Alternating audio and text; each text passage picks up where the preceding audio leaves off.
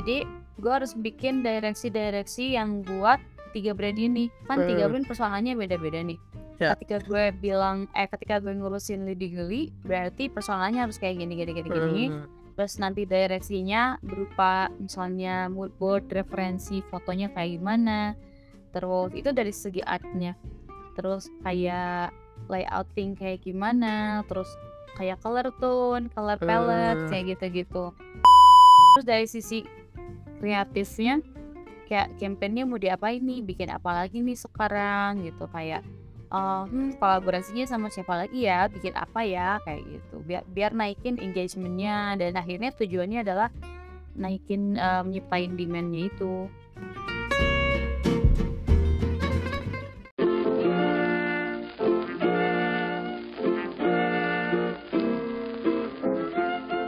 Di antara banyak peran yang orang miliki, kamu perlu tahu salah satunya. Cari tahu bareng di Pengen Tahu Podcast. Eh. Eh, Oke, kita kita lanjut nanti kalau Sarip juga pengen nanya mau di tengah mau di belakang ya mungkin juga boleh sih. Oke oke. Gue opening lagi ya. oke boleh Eh, ya halo eh, di episode kali ini mungkin masih berlanjut nih bahasannya dari episode yang kemarin. Mungkin kemarin mengenai kita belajar nih kira-kira se- mengenai bisnis makanan ini bisnis eh, ya bisnis makanan lah seperti apa. Dan kali ini juga masih sama teman kuliah. Boleh perkenalkan diri dan sekarang atau sekarang lagi berkiprah sebagai apa gitu. Silakan. Halo semuanya, nama gue Pungki, teman kuliahnya Rehan, dulu kita sekelas ya di eh, dengan proud gue harus sebutkan di jurusan kewirausahaan angkatan 2018 di UPI Tasik. Dan sekarang tiba-tiba gue terjun di dunia kuliner nih di F&B. Sekarang alhamdulillah diamanahi sebagai eh, art director, art dan kreatif director. Begitu. Ini udah udah berapa lama nih yang jabatan yang sekarang? Eh, Kalau yang sekarang ini sebenarnya baru satu bulan, mau dua bulan aktivasinya itu dari bulan Maret. Per tanggal Yeah. se- eh, mm-mm, tiba-tiba berubah nih, ada reshuffle. Kayak kabinet Pak. Mm-mm, kayak kabinet ya. Eh, se- sebelumnya jadi apa tuh? Sebelumnya sebenarnya kalau diceritain lumayan sih ya, lumayan lumayan lucu sih. Soalnya jadi tuh waktu itu bulan November. November tuh eh waktu itu Oktober deh. Oktober tuh ada lowongan kan. Lowongan itu judulnya tuh admin sales. Admin Ah, sales. Nah, iya. terus kayak hmm, dengan logika gue yang sederhana, gue mikirnya kayak oh, disuruh jualan. Lah, kayak gitu kan benar. jualan nih terus gua apply kan udah habis itu seminggu kemudian interview udah interview pas November tiba-tiba singkat cerita eh keterima nah tiba-tiba tiba-tiba pas keterima gue tuh bukan diamanahi sebagai admin sales. Tiba-tiba disuruh jadi brand manager dong. Nah, ya. tiba-tiba jadi brand manager kayak hmm ada apa nih? Kayak kok Iya. bukannya? Waktu interview tuh kan gue case tadinya sebagai admin sales katanya eh, gimana caranya naikin penjualan? Gimana caranya eh, menyebarkan titik distribusi? Gitu-gitu ya kan. Eh, gue pas masuk gue tuh jadi eh, brand manager dan brand managernya itu adalah untuk produk baru jadi si Lady company Girly ini. Oh, Mm, si company ini kan punya eh, brand nih namanya Lady Geli. Iya. Nah, Lady Geli ini punya adik. Dia tuh ngeluarin adik sister brandnya yaitu Geli Chips. Oke. Nah, Ternyata gue ini diamanahi buat mengelola si Geli Chips ini. Nah, kurang lebih eh, sistemnya kayak gimana? Konsepnya kayak gue ngelola small business aja, kayak seperti yang eh, kita lakukan pada zaman kuliah ya Iya. kelola bisnis sendiri, eh, apa-apa sendiri, ya kayak CEO lah ya, Chief Iya, betul, Everything betul. Officer lah ya, Betul, bener betul. nggak sih? Dulu kita kayak gitu ya kan, Iya. mulai dari operational, terus dari marketing, branding, semuanya kan sendiri. Awalnya sih dari situ sih, dari brand manager, terus eh, ada reshuffle nih ternyata karena memang berdasarkan kebutuhan dari perusahaan sendiri. Terus akhirnya berubahlah menjadi art dan kreatif, seperti itu. Nah, waktu jadi brand manager kan tadi udah lah sempat disinggung jadi chief of chief Chief everything everything officer, literally Iya. everything. Iya, lu bertanggung jawab atas apa aja tuh waktu itu berapa bulan sih jadi brand manager? Hmm, itu dari awal masuk berarti November sampai Februari sekitar empat bulan mungkin ya, tiga Eh, atau empat bulan. Brand manager dulu kerjaannya yang pertama eh cabangnya tuh ke sosmed, marketplace sama hmm, sales. Jadi eh kayak sosmed gue kayak planning Instagram mau diapain, ya. terus layoutingnya kayak gimana, desainnya, konsepnya, brand persona, bener-bener di breakdown dari awal. Kayak gue mulai dari BMC dulu dong, bener-bener ya Tuhan dulu gue belajar BMC dan sekarang alhamdulillah kayak kepake gitu. Eh, Di BMC-nya dibikin dulu, terus eh, menentukan target market, terus konsepnya mau kayak gimana, brand persona, terus dari segi konten, konten pilar, bener-bener sedalam itu dan Ya. itu jadi tantangan sih buat gue karena dulu kita ngelola bisnis belum ada sih, gue sih dulu kayak belum ada sampai ke konten pilar harus diapain. Terus nanti konsep story, bikin program-program di sosmed, terus eh, cara cara menaikkan penjualan tapi bukan dengan cara berdagang gitu, ngerti gak sih? Iya. Gimana caranya menaikkan penjualan tapi dengan cara yang lain, benar-benar dengan aspek yang lain, indikator yang lain, terus analisis. Itu tantangan sih dan seru sih. Dulu pas brand manager kayak gitu. Iya. Iya gitu. Oke. Eh, berarti eh, waktu itu kan lu kayak di ya sebuah unit dari ya dari perusahaan di eh, salah satu unitnya ya itu lu membawahi ada membawahi apa namanya tim kah atau atau kayak gimana kan brand manager gue gue juga sempat ini sempat baru-baru ini nonton bahasan mengenai brand manager di brand manager ini kayak membawahi apakah gitu dan lu bekerjanya bersama siapa aja gitu Oke, jadi kalau misalnya di sini di perusahaan gue ini brand manager adalah tidak tidak se-manager itu maksudnya tidak seluas Ah, itu sampai mengurusi keseluruhan brand gitu ya Ya. kan. Tapi basically memang iya. Waktu itu gue mengurusi keseluruhannya gitu sampai gue harus offering juga ke retail. Eh itulah yang dil- dilakukan sama brand manager. Terus ketika kenapa nih penjualannya turun, gue jadi harus mikir gitu ya kan. Padahal mungkin kalau secara judul eh bukan rada rada am- heeh, rada ambigu juga sih brand manager tuh bisa keseluruhan brand atau emang ya udah fokus di cara brandingnya aja gitu ya waktu itu tuh. Nah, eh si brand manager itu dulu gue cuman berdua kerjanya. Hmm, Yang berja lah, cuman berdua, satu laginya itu adalah desain grafik. Ya. Jadi kayak gue butuh apa, eh, lempar ke desain grafik, nanti si hasil desain itu gue olah jadiin apa. Misalnya gue bikin deck-deck presentasi, terus misalnya gue kayak eh, butuh foto produk, terus gue butuh desain-desain produk, atau kayak sesederhana buat ngisi-ngisi feeds di Instagram, terus butuh layouting di Instagram gitu-gitu. Dulu tuh benar-benar kerjanya cuma berdua dan seru banget ternyata eh, alhamdulillah desain grafik gue waktu itu sepemikiran. Jadi ide-ide yang kita punya tuh benar-benar liar keluar gitu dan diaplikasiin sama si brand yang waktu itu kita kelola gitu. Nah kalau sekarang eh, di posisi art kreatif yang mana timnya justru lebih banyak karena jadi gini di perusahaan gue ini satu orang itu eh, pegang tiga brand karena Eh. perusahaan gue punya tiga brand jadi setiap satu orang akan mengubah personalitinya secara eh, apa ya? Mengubah-ubah personalitinya tergantung dia mengerjakan brand yang mana gitu. Karena kan Eh. dari ketiga brand ini punya persona yang berbeda. ya Ini semua setiap orang ngerjain sat eh, ngerjain tiga brand kecuali kecuali desain grafik. Jadi sekarang gue tuh punya tiga desain grafik, ada empat sih soalnya yang geli ada dua ya kan. Ya. Karena udah udah udah udah top kebutuhannya banyak gitu Iya. ya.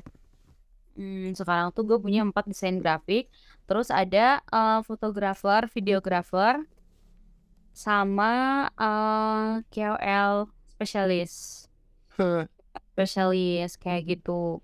Eh, sebenarnya sebelum itu ada sosial medianya dulu nih. Jadi sebenarnya dari art kreatif itu turun ke sosial media baru timnya yang bawah itu adalah timnya si sosial media Hmm. jadi sebenarnya tim gue tuh cuman sosial medianya aja Iya. sebenarnya cuman si tim sosial medianya ini yang punya tim lebih banyak lagi gitu nah kalau yang sekarang di art kreatif gue nggak em, nggak ngobrol masalah sales jadi eh, sales bukan ranah gue lagi di Iya. sini gue ya tugasnya cuman nyiptain demandnya aja untuk salesnya ada nih bagiannya sendiri.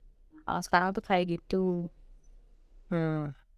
Maksudnya maksudnya tiga orang ber- berubah persona tuh maksudnya lu atau memang satu orang berubah persona tuh memang orang lain juga ada yang punya eh, tanggung jawab yang sama gitu. Misalkan lu di art nanti kalau misalkan yang lain tapi eh, posisinya beda tapi megang tiga tiganya juga kayak gitu maksudnya Iya sama semuanya. Jadi kayak gue nih art dan kreatif. Jadi gue harus bikin direksi-direksi yang buat tiga brand ini. Kan tiga brand personanya beda-beda nih. Ya. ketika gue bilang eh ketika gue ngurusin Lady Geli berarti personanya harus kayak gini gini gini gini. Terus nanti direksinya berupa misalnya mood board referensi fotonya kayak gimana. Terus itu dari segi artnya.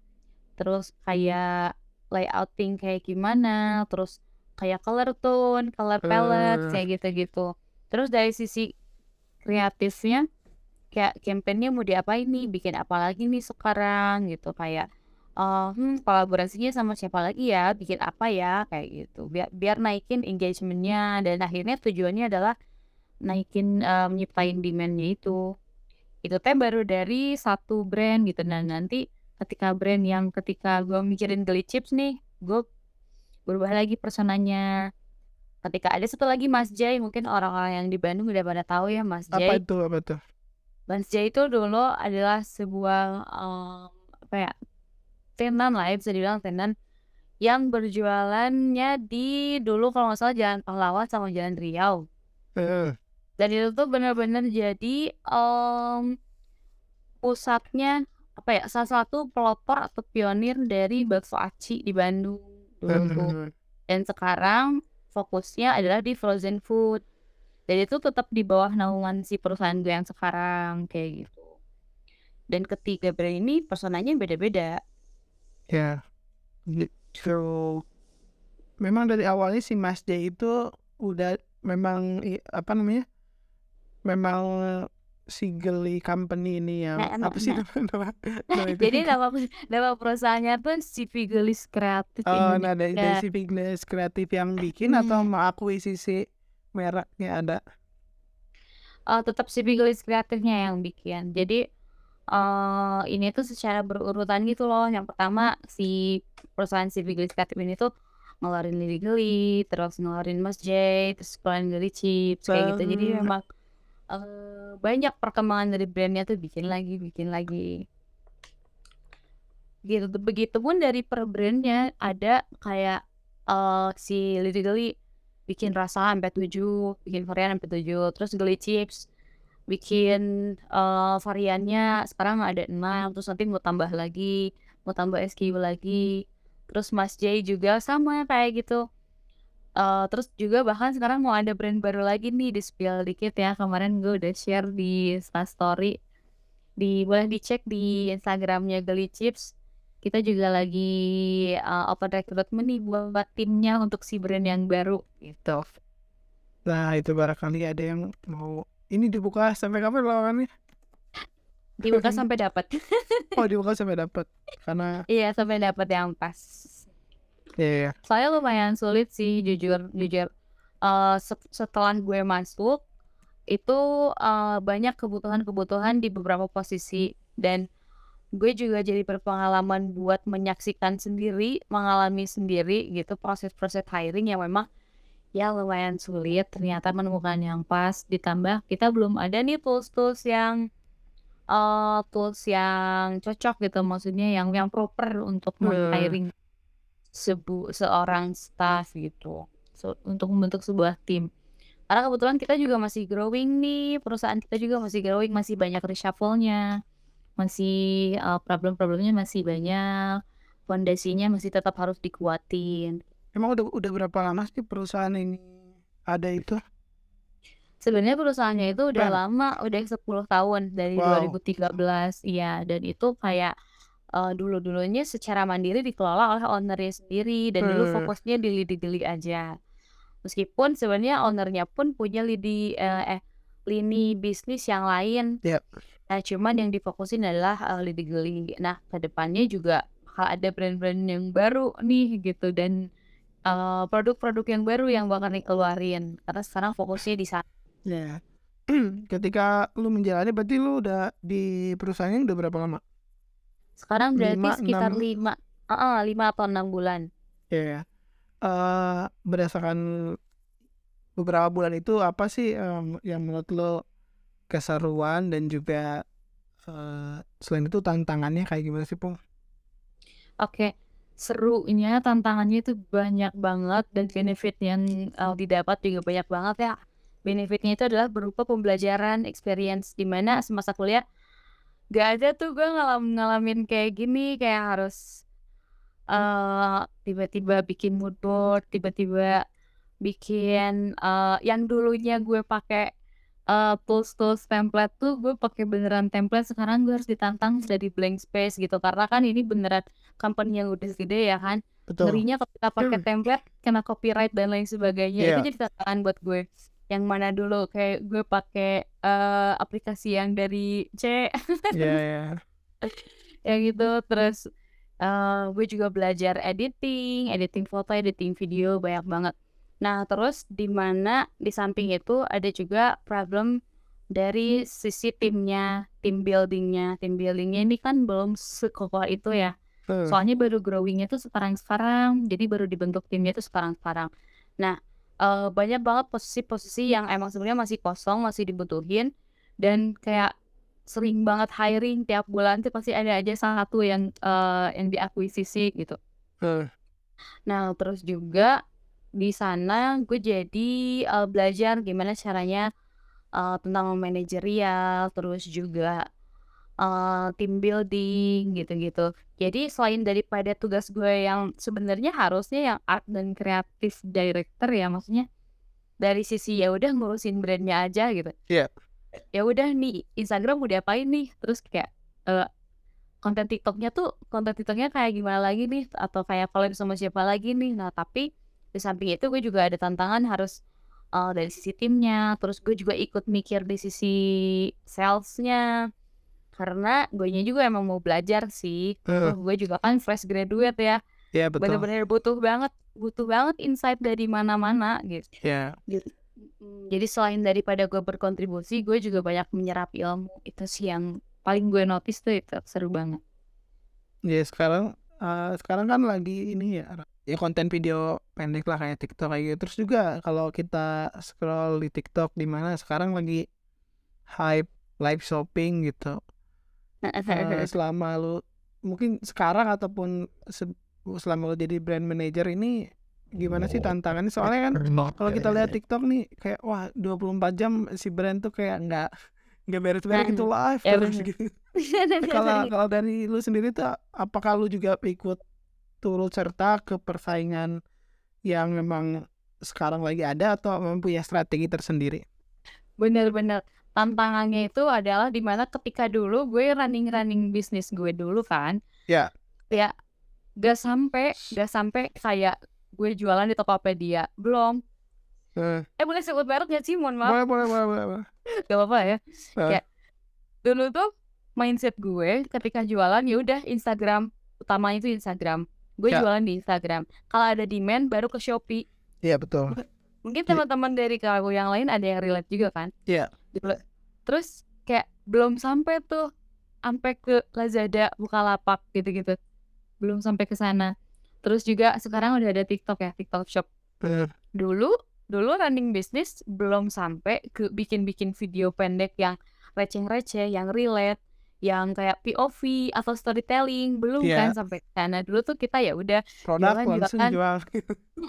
Produk langsung jual estetik-estetikan, terus foto Iya. sendiri, post di Instastory kita atau misalnya tawarin ke temen. Nah, sekarang tantangannya bener-bener semua harus dicoba. Ini company yang udah gede, yang udah Heeh. running gitu kan, udah proper. Kalau misalnya kita nggak ngikutin tren kita ketinggalan bener gak sih Iya. kita kalau nggak live TikTok ya udah kita ketinggalan sebenarnya awareness kita nggak dapet sedangkan kita lihat di luar sana banyak UMKM UMKM atau misalnya small business yang baru banget running dia udah nge-live dong. Dia Benar udah benar benar. sampai ke berapa ribu viewers dia udah closing berapa ribu pieces gitu. Iya. ya kan? Dan terus dari sisi segi marketplace ya. Dari marketplace kita udah sampai ke uh, Tokopedia udah sampai ke Lazada terus juga kita main ke retail. Ternyata Lady itu udah ada di mana-mana. Terus gue jadi belajar cara offering ke retail tuh kayak gimana sistem regulasi retail tuh kayak gimana. Yang mana dulu gue nggak pernah. Dulu kepikiran gak sih gue jual produk pengen masukin ke Alfamart nih. Belum sampai sana sih dulu gue kayak gitu. Hmm, ya kan? Dan sekarang justru tantangannya wah gimana caranya nih? Wah retail apalagi yang belum ya. Aduh di kota ini belum ada legal ini gue harus masukin nih gitu. Terus kayak hmm, banyak demand yang dari luar pulau misalnya orang-orang Kalimantan orang-orang Sulawesi kayak eh buka dong di tempat gue buka dong Wow. masukin dong. Kayak aduh bentar harus mikir dulu gimana nih caranya ya. Nah terus gue research lagi di sana tuh ada apa aja gimana cara masukinnya terus harus gimana cara reach outnya gitu-gitu. Hmm. tantangannya di sana. Jadi kesimpulannya kayak gue harus coba semua nih bener-bener gue harus harus belajar semua karena kalau enggak pasti ketinggalan gitu. bedanya ini bedanya lo eh apa ya penjualan di online dan di offline tuh kayak gimana? Terus kan eh, kalau kita sekarang nih eh, belajar-belajar gitu kayak lu banyak banget tuh digital marketing kayak lu harus dari segi ads kayak gimana dari segi SEO yang kayak gituan. Lo eh, maksudnya me- melakukan hal itu nggak? Terus apa bedanya gitu yang eh, dari segi yang offline dan juga ya digital dan dan offline lah gitu yang Mm-mm, yang gue pelajarin tuh bedanya sama dulu. Kalau dulu tuh ya udah yang penting closing gitu. Kayak Iya.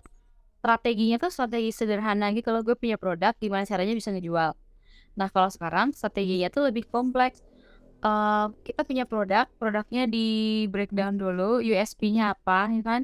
Unique selling point-nya apa yang mau kita tawarin manfaatnya buat apa. Dan gue tuh kayak baru ngin gitu loh kewirausahaan adalah di mana kita eh, menawarkan solusi bagi permasalahan eh, audiens. Gak, gak cuma sekedar dari eh, lo butuh apa? Gue sediain. Lo pengen apa? Gue sediain. Lo beli aja ke gue. Gue pu- punya. Nah sed- sedangkan sekarang tuh nggak kayak gitu. Em, kayak apa ya strateginya tuh justru lebih kompleks. Di mana gimana caranya ya masuk ke sini gimana caranya masuk ke sini terus goalsnya juga lebih banyak nggak hanya menciptakan sales tapi juga di mana sales plus awareness ada juga yang awareness doang ada yang sales doang Nah, gimana caranya kita dapetin kedua-duanya itu? Channelnya ke mana? Kita breakdown lagi nih, misalnya eh, kita mau tap in ke retail, atau kita mau tap in ke community, atau Iya. kita mau tap in ke eh, events misalnya ya. Nah, dari situ tuh di breakdown lagi gimana caranya strategi untuk di. Di itu strateginya eh, kita harus dapetin sales dan eh, branding dan awareness. Itu tuh ada lagi gitu ke bawah-bawahnya tuh cara-caranya tuh dan itu beda-beda gitu. Itu sih yang gue pelajarin. Yang mana eh sebenarnya kayak itu juga membantu untuk diri gue sendiri untuk growing, menyerap ilmu-ilmu yang banyak gitu dari situ. Kayak gitu. ternyata ba- banyak juga itunya apa namanya kayak matriks atau indikatornya gitu kayak Terus nah, nah, lu kalau misalnya di event lu harus sales berapa gitu Eh, terus Iya, juga tadi matrik. community dan event juga kayak gitu bener banget matriksnya tuh banyak banget. Soalnya kayak eh yang pertama kita harus eh, tentuin dulu nih kita mau ngapain, goals besar kita tuh apa. Jadi goalsnya legal itu adalah untuk menjadi snack nasional. Eh, Snack nasional di mana lo bisa dapetin di mana aja. Kayak ketika lo BM, lo tinggal lari ke retail atau tinggal lo lari ke warung, lo beli, udah. eh, Gak usah bingung kayak hmm, harus belinya di Shopee nih. Aduh, berapa hari ya datangnya atau kayak pengen gratis ongkir ya udah nonton live TikToknya dulu gitu. Nah, goalsnya tuh justru di sana. Makanya kenapa eh, channel utamanya itu adalah retail. dan goals-nya adalah, mmm, mencari eh, mencari bukan mencari, me menja eee, apa gimana sih, me me me me me-reach gitu ya, me-reach titik Penetrasi itu distribusi penetrasi, ya. penetrasi mungkin ya, Iya. me-reach titik distribusi seluas-luasnya gitu, jadi pengen Eee. ada di mana-mana. Nah, daripada goals itu di-breakdown lagi caranya gimana, kayak sederhana visi misi lah ya, Iya. visinya gimana dan misinya adalah gimana gitu ya kan. Iya. Kayak untuk menjadi di mana-mana berarti kita tap in-nya ke retail, sama ke toko oleh-oleh. Nah, Eee. gimana sih caranya kita tap in ke retail? Nah, di-breakdown lagi, berarti kita harus offering ke retail. Kita catat dulu retail di sana sini tuh ada apa aja, yang paling banyak, eee, peminatnya tuh yang mana aja. Terus kita offering satu-satu, kita ketemu ke HO-nya, terus kita bikin deck penawarannya, terus kita negosiasi. Ya. Terus ke toko oleh-oleh juga sama, kayak, eee, gimana caranya win-win-nya biar toko oleh-olehnya juga bisa maju, terus kita juga bisa, eee, produk kita ada di sana gitu. Iya. Itu untuk dari sisi retail. Terus juga ada kalau kita mau cari, eee, awareness sama sale, kita masuknya ke event. Event-event apa aja sih yang kita bisa masukin yang kira-kira yang possible. Terus dari setiap event-nya itu, event-nya tuh personanya tuh kayak gimana, nah kita harus ikutin. Ya. Kayak kemarin terakhir event tuh di Trademark, Trademark Market Bandung. Padahal Trademark itu kan, eee, orang mostly taunya adalah event fashion ya, dan Eee. emang yang paling banyak di sana juga adalah fashion gitu. Tapi kita F&B dengan secara apa ya, bukan makeup juga sih, kayak tidak nggak tidak mau kalah gitu Bener untuk bener di sana, tidak mau kalah, beneran. Gue F&B tapi gue juga mau masuk di sini, soalnya emang mostly pasar-pasarnya fashion juga adalah pasar kita gitu. Ya memang secara postingan juga penampilan apa ya, Mas, appearance. fashion-nya juga memang bagus ya, itu memang fashion dari CP Glaze Creative ini memang memang kayak gitu atau memang untuk khusus untuk event di Trademark aja?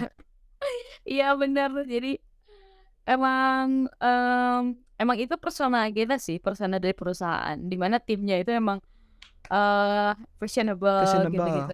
Heeh, terus juga kayak kalau kerja kan seragamnya sehari 1, kerja 5 hari seminggu, sehari itu beda-beda, jadi seminggu tuh 5 seragam. Eee. Seragamnya juga kaosan gitu. Iya. Dari sana tap in-nya tuh. Oke. Beririsan ya. Oke oke. Eee, sebelum lanjut nih kita ke sesi promosi lagi. Eee, ada Oke. yang mau dipromosiin nggak untuk proyeknya atau sesuatu yang lagi digaramin? Oke. Eee, jadi di sini kan ada 3 brand nih, ada Lady Geli, ada Geli Chip, sama ada Mas J. Nah, buat temen nih, buat yang suka mie lidi, buat yang suka makanan ringan, atau misalnya suka frozen food, kebetulan kita juga ada ceker tanpa tulang nih, ada dakbal. Eee, sensi sensasi makan ceker effortless gitu, jadi nggak Iya. harus gitu, makan-makan pisahin tulangnya gitu. Buat yang mau, buat yang interest, boleh cek di Instagram-nya dulu, boleh dilihat-lihat, terus juga kita udah tersedia nih di Shopee, di Tokopedia, sama di TikTok Shop. Kalau misalnya Lady Geli itu udah ada di Alfamart seluruh Jabodetabek sama Jawa Tengah. Terus udah ada di Kakafi juga. Di Si apa itu? Juga. Kakafi, Kakafi Kakafi itu apa? Kakafi tuh, eee, retail yang kuning gitu loh. Oh, nggak kan? tahu di di sini nggak ada. Oh iya, sama di saya juga nggak ada. Baru ada di Jakarta sama di Bandung. Lady Geli sama si Geli Chip udah ada di Kakafi. Jadi, eee, goals-nya kan pengen jadi snack nasional ya, ketika lo tuh ketika mau tinggal pergi ke mana ambil gitu ya. Nah, Iya. itulah kita berusaha untuk tap in di sana, nah gitu. Oke oke. Silahkan buat teman-teman, begitu. Apa nih, eee, pembedanya atau ciri khasnya gitu dibandingkan yang lain atau apa yang mungkin paling diunggulkan gitu? Oke, dari segi keunggulan, eee, mungkin dari rasa ya, kita tuh Iya. pede banget sama rasa. Kita tuh pede banget sama rasa. Cuman kan kalau rasa itu orang harus coba dulu ya, kayak cinta tuh dari mata turun ke hati nggak sih. Iya kan? Cinta tuh dari mata turun ke hati kan. Meskipun ada beberapa orang yang dari dari rasa, misalnya dari dari lidah turun ke hati ya kan. Iya. Cuman eee, unique selling point yang kita tawarin pertama itu pasti dari visualnya, dari, eee, packaging-nya. Kalau misalnya teman-teman lihat nih boleh sambil dicek ya Instagram-nya Lidi Geli. Dia tuh ada 7 varian rasa, di mana satu rasanya tuh beda-beda warna. Itu tuh warnanya tuh bener-bener se-eye catching itu, ada merah, ada kuning, ada Tosca, ada coklat, eee, merahnya ada 2, terus ada orange juga. Yang mana dia tuh bener eye catching dan pengennya setiap orang yang pegang atau setiap orang yang makan Lidi Geli itu punya pride-nya sendiri karena ngerasa keren gitu. Heeh. Karena ngerasa kayak, "Nih makanan, ih kece nih," gitu, gue pegang gitu kan. Iya. Kayak the prestige lo pegang Starbucks nggak sih? Kayak Iya. bedanya lo Starbucks sama pegang, eee, teh pucuk mungkin, sorry to say ya. Orang tuh kadang ada prestisnya di sana dah. Di sini, eee, si juga pengen jadiin ketika orang-orang pegang Lidi Geli tuh jadi ada prestisnya sendiri gitu. Terus kayak kalau misalnya, eee, pakai tas-tas yang PVC, tahu nggak sih Han, yang tas-tas Mika yang bening? Iya. Nah, terus dimasukin si Lidi Geli tuh jadi eye catching, jadi nambah ke outfit gitu. Oh, iya. Jadi jadi nambah warna gitu, Colorful. jadi colorful, orang tuh lihat gitu, cheerful gitu. Terus Oke. adiknya Geli Chips juga gitu, kalau adiknya Geli Chips justru lebih ke out of the box karena dia tuh chips yang mana, eee, chipsnya tuh ada banyak, variannya banyak dan itu, eee, mostly pedes semua. Heeh. Mostly pedes, tapi konsepnya tuh komik. Konsepnya tuh Heeh. lucu, komik, terus personanya juga sarkas. Kalau misalnya boleh dicek Instagram-nya Geli Chips itu tuh pada pada sarkas dan kita masih develop sih untuk Geli Chips, masih masih dicari arahnya mau ke mana gitu. Heeh. Nah, kalau Mas J, Mas J ini, mmm, lagi mau diistirahatin dulu. Iya. Karena ternyata Mas J ini sulit ya, karena branding-nya sekuat itu, jadi perlu waktu untuk memikirkannya, tapi Mas J ini bakal di-rebranding.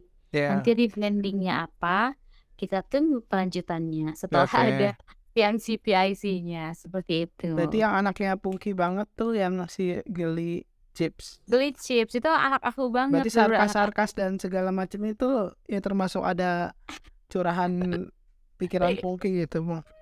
Iya, bener-bener dituangin semua nih ide-ide gilanya gitu, yang yang absurdnya, yang jametnya. Kalian kalau misalnya baca caption-caption-nya, boleh sambil dibaca caption-nya itu tuh dari hati gitu.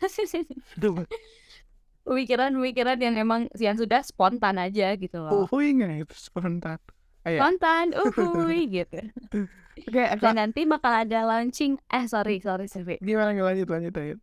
Nanti bakal ada launching nih anak aku yang kedua. Ini bener-bener bakal jadi anak aku juga nih. Si eh, spill gak ya? Spill gak ya Nadia? Nanti aja deh biar penasaran. Pokoknya follow Iya aja biar- follow aja di Instagramnya. Biar Betul, cari apa follow aja di Graphics ya.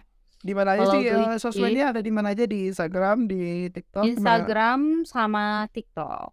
Ada Dua-duanya website di Lidi Geli atau Geli Chips atau ma- eh, punya masing-masing atau satu sosmed. punya masing-masing. Jadi Eh. satu brand satu. Kalau aja Geli Chips sama Lady Geli nanti bakal ada sesuatu yang baru. Bakal ada rebrandingnya dari Mas J yang bakal lebih lucu yang uh, hasil dari ide-ide yang dituangkan gitu. Oh gini ini aja deh sebelum maksudnya bukan bukan spill namanya atau kira-kira makanannya seputar apa gitu. Oh, Oke, makanannya itu nanti bakal frozen food, jadi Hmm. makanan basah, tapi eh, dikemas dari frozen food gitu. Jadi buat teman-teman yang di luar sana, jadi tuh si Mas J ini sementara adanya tuh di event doang. ya Sedangkan demandnya tuh banyak. Kayak Iya. kemarin di trademark setiap tahun ada di trademark. Terus kalau di Garut ada festival bakso aci, eh, ada festival pedas dan kayak kita tuh selalu gembar-gembor itu cuma setahun sekali loh gitu. Kapan lagi lo bisa ngerasain eh, dakbang ngerasain tahu wali ngerasain pangsit itu cuma di festival doang gitu. Ternyata dari situ demandnya tuh banyak banget. Kayak pertanyaannya tuh justru dibalik sama mereka. Kayak masa gue harus makan dakbang setahun sekali? Masa gue harus nunggu event dulu baru Ya. bisa beli loh? Katanya ya. Kayak gitu berasal dari sana.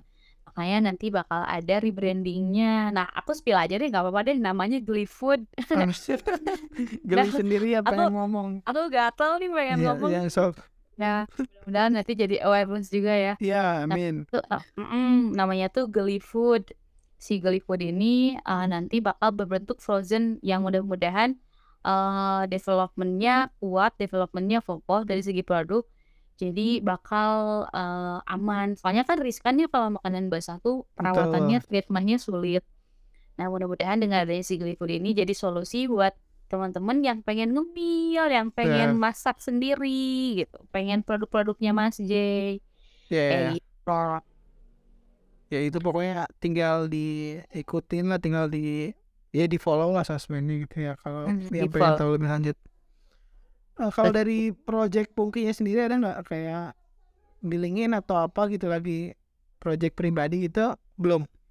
Mhm, kalau project Iya, Kak. pribadi belum sih, soalnya lagi lumayan hektik juga sekarang nih di perusahaan yang sedang. Eee, Mhm. oke oke. Nah, mmm, bicara seputar tadi lah oke dun dunia F&B atau dunia makanan ringan juga sekarang ke frozen food gitu.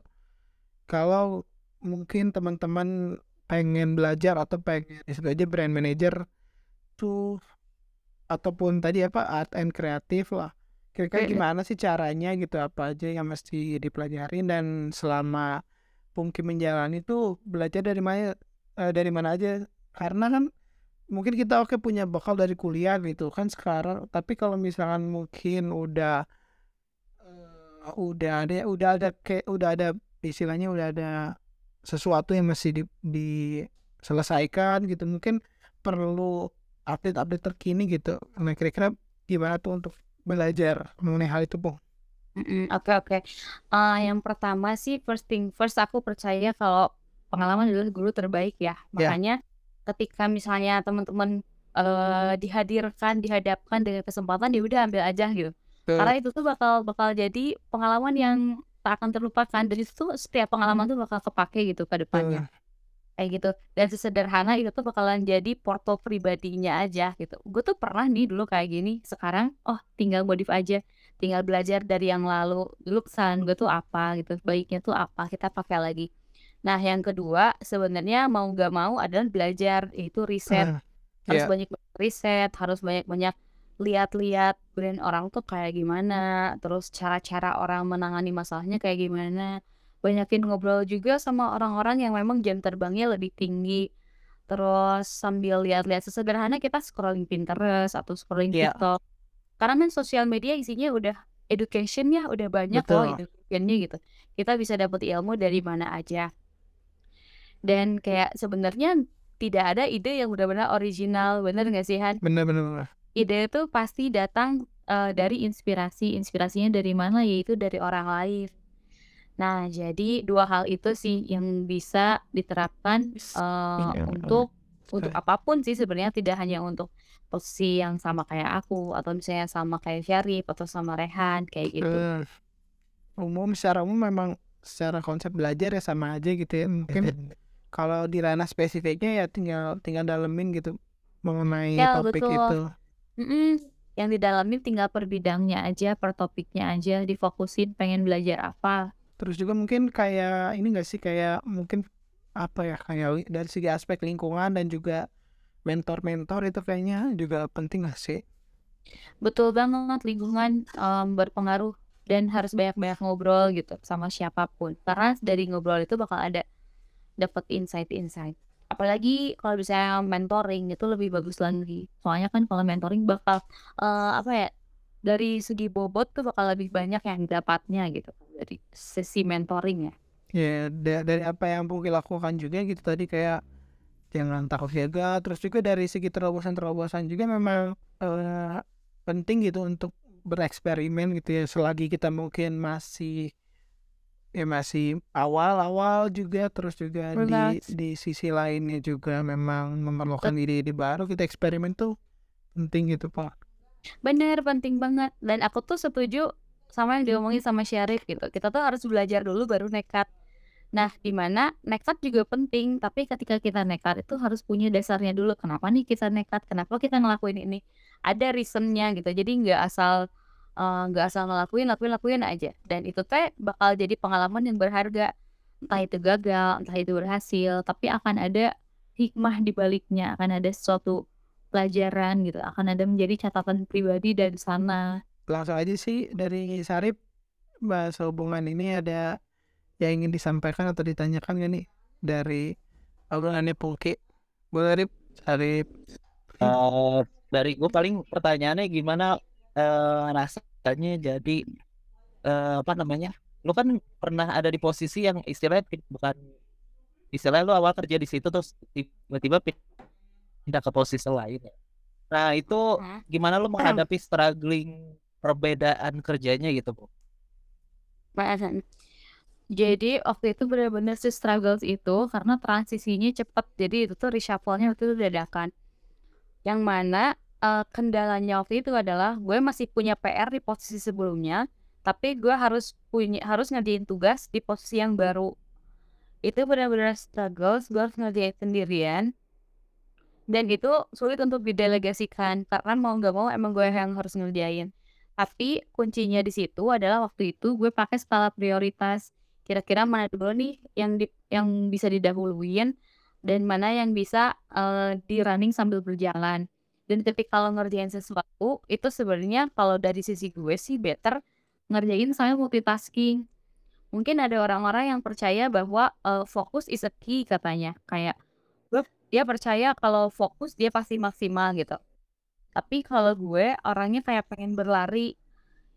Jadi multitasking juga kadang diperlukan sih. Dan untuk mencapai si skala prioritas yang membludak itu bisa diatasi dengan multitasking. Dulu gue standarnya kayak gitu. Gitu. Sama lu di kantor eh, rata-rata teman kerja gitu Gen Z juga bu. Gimana gimana Rip? Sorry. Rata-rata di di- kantor? Eh, rata-rata tim lu itu Gen Z semua apa ada campur Iya. yang senior atau gimana? Eh, ada Gen Z sama millennials. Gen Z sih sebanyak kebanyakan yang paling senior tuh 94 94 dan kalau yang in house-nya gue yang paling muda. Oh, ya. langsung lagi. Lu gimana cara ngadepin orang yang lebih senior? Mungkin kayak sama millennials pun agak beda ya Gen Z. Maksudnya secara pembawaan, terus secara apa ya? Nggak tahu ya. Mungkin kalau millennials masih ada rasa nggak tahu itu senioritas, nggak tahu itu kayak rasa mengayomi atau gimana. Tapi kalau Gen Z kan lebih cair lah gitu istilahnya. Walaupun terpaut umur gitu. Lo rasain perbedaan itu nggak? Atau dan gimana cara lo menghadapinya? gitu? Nah, justru kalau di lingkungan kantor gue ini, eh gue nggak ngerasain perbedaan gap gap yang benar-benar jauh gitu. Terus senioritas juga gue nggak merasakan itu. Mungkin karena apa ya? Kalau misalnya kita bilang tuh di kita tuh tedak lembur. Jadi eh basically semua orang nih guyup gitu. Terus akrab, rukun dari segi kerukunannya tuh oke gitu. Karena mostly sebenarnya Gen Z-nya lebih banyak. Gen Z-nya lebih banyak daripada millennials-nya. Jadi Gen Z-nya tetap mendominan. Mau nggak mau justru millennials yang bakal ngikutin si Gen Z-nya.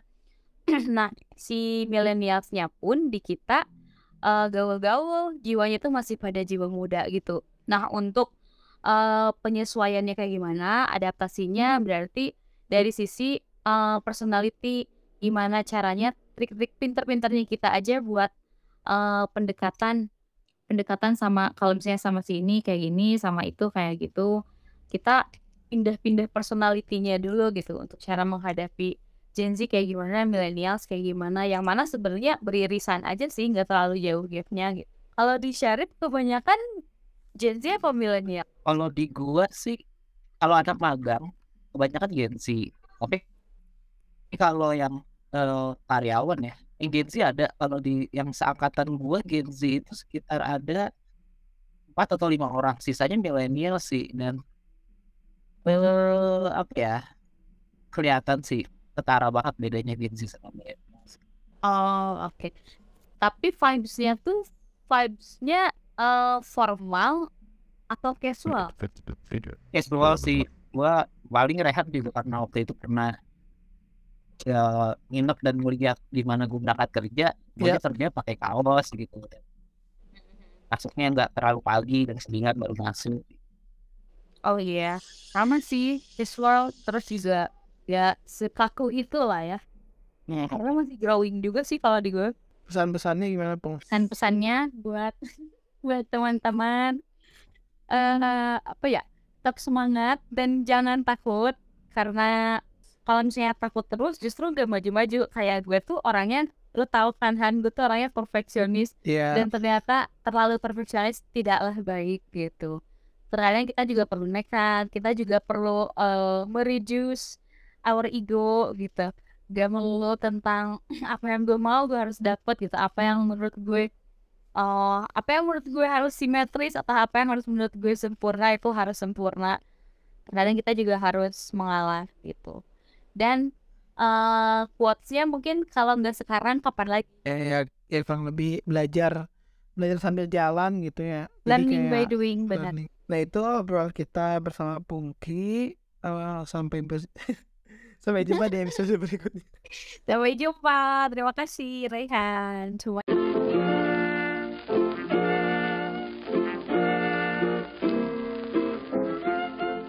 Makasih juga buat teman-teman para pencari tahu.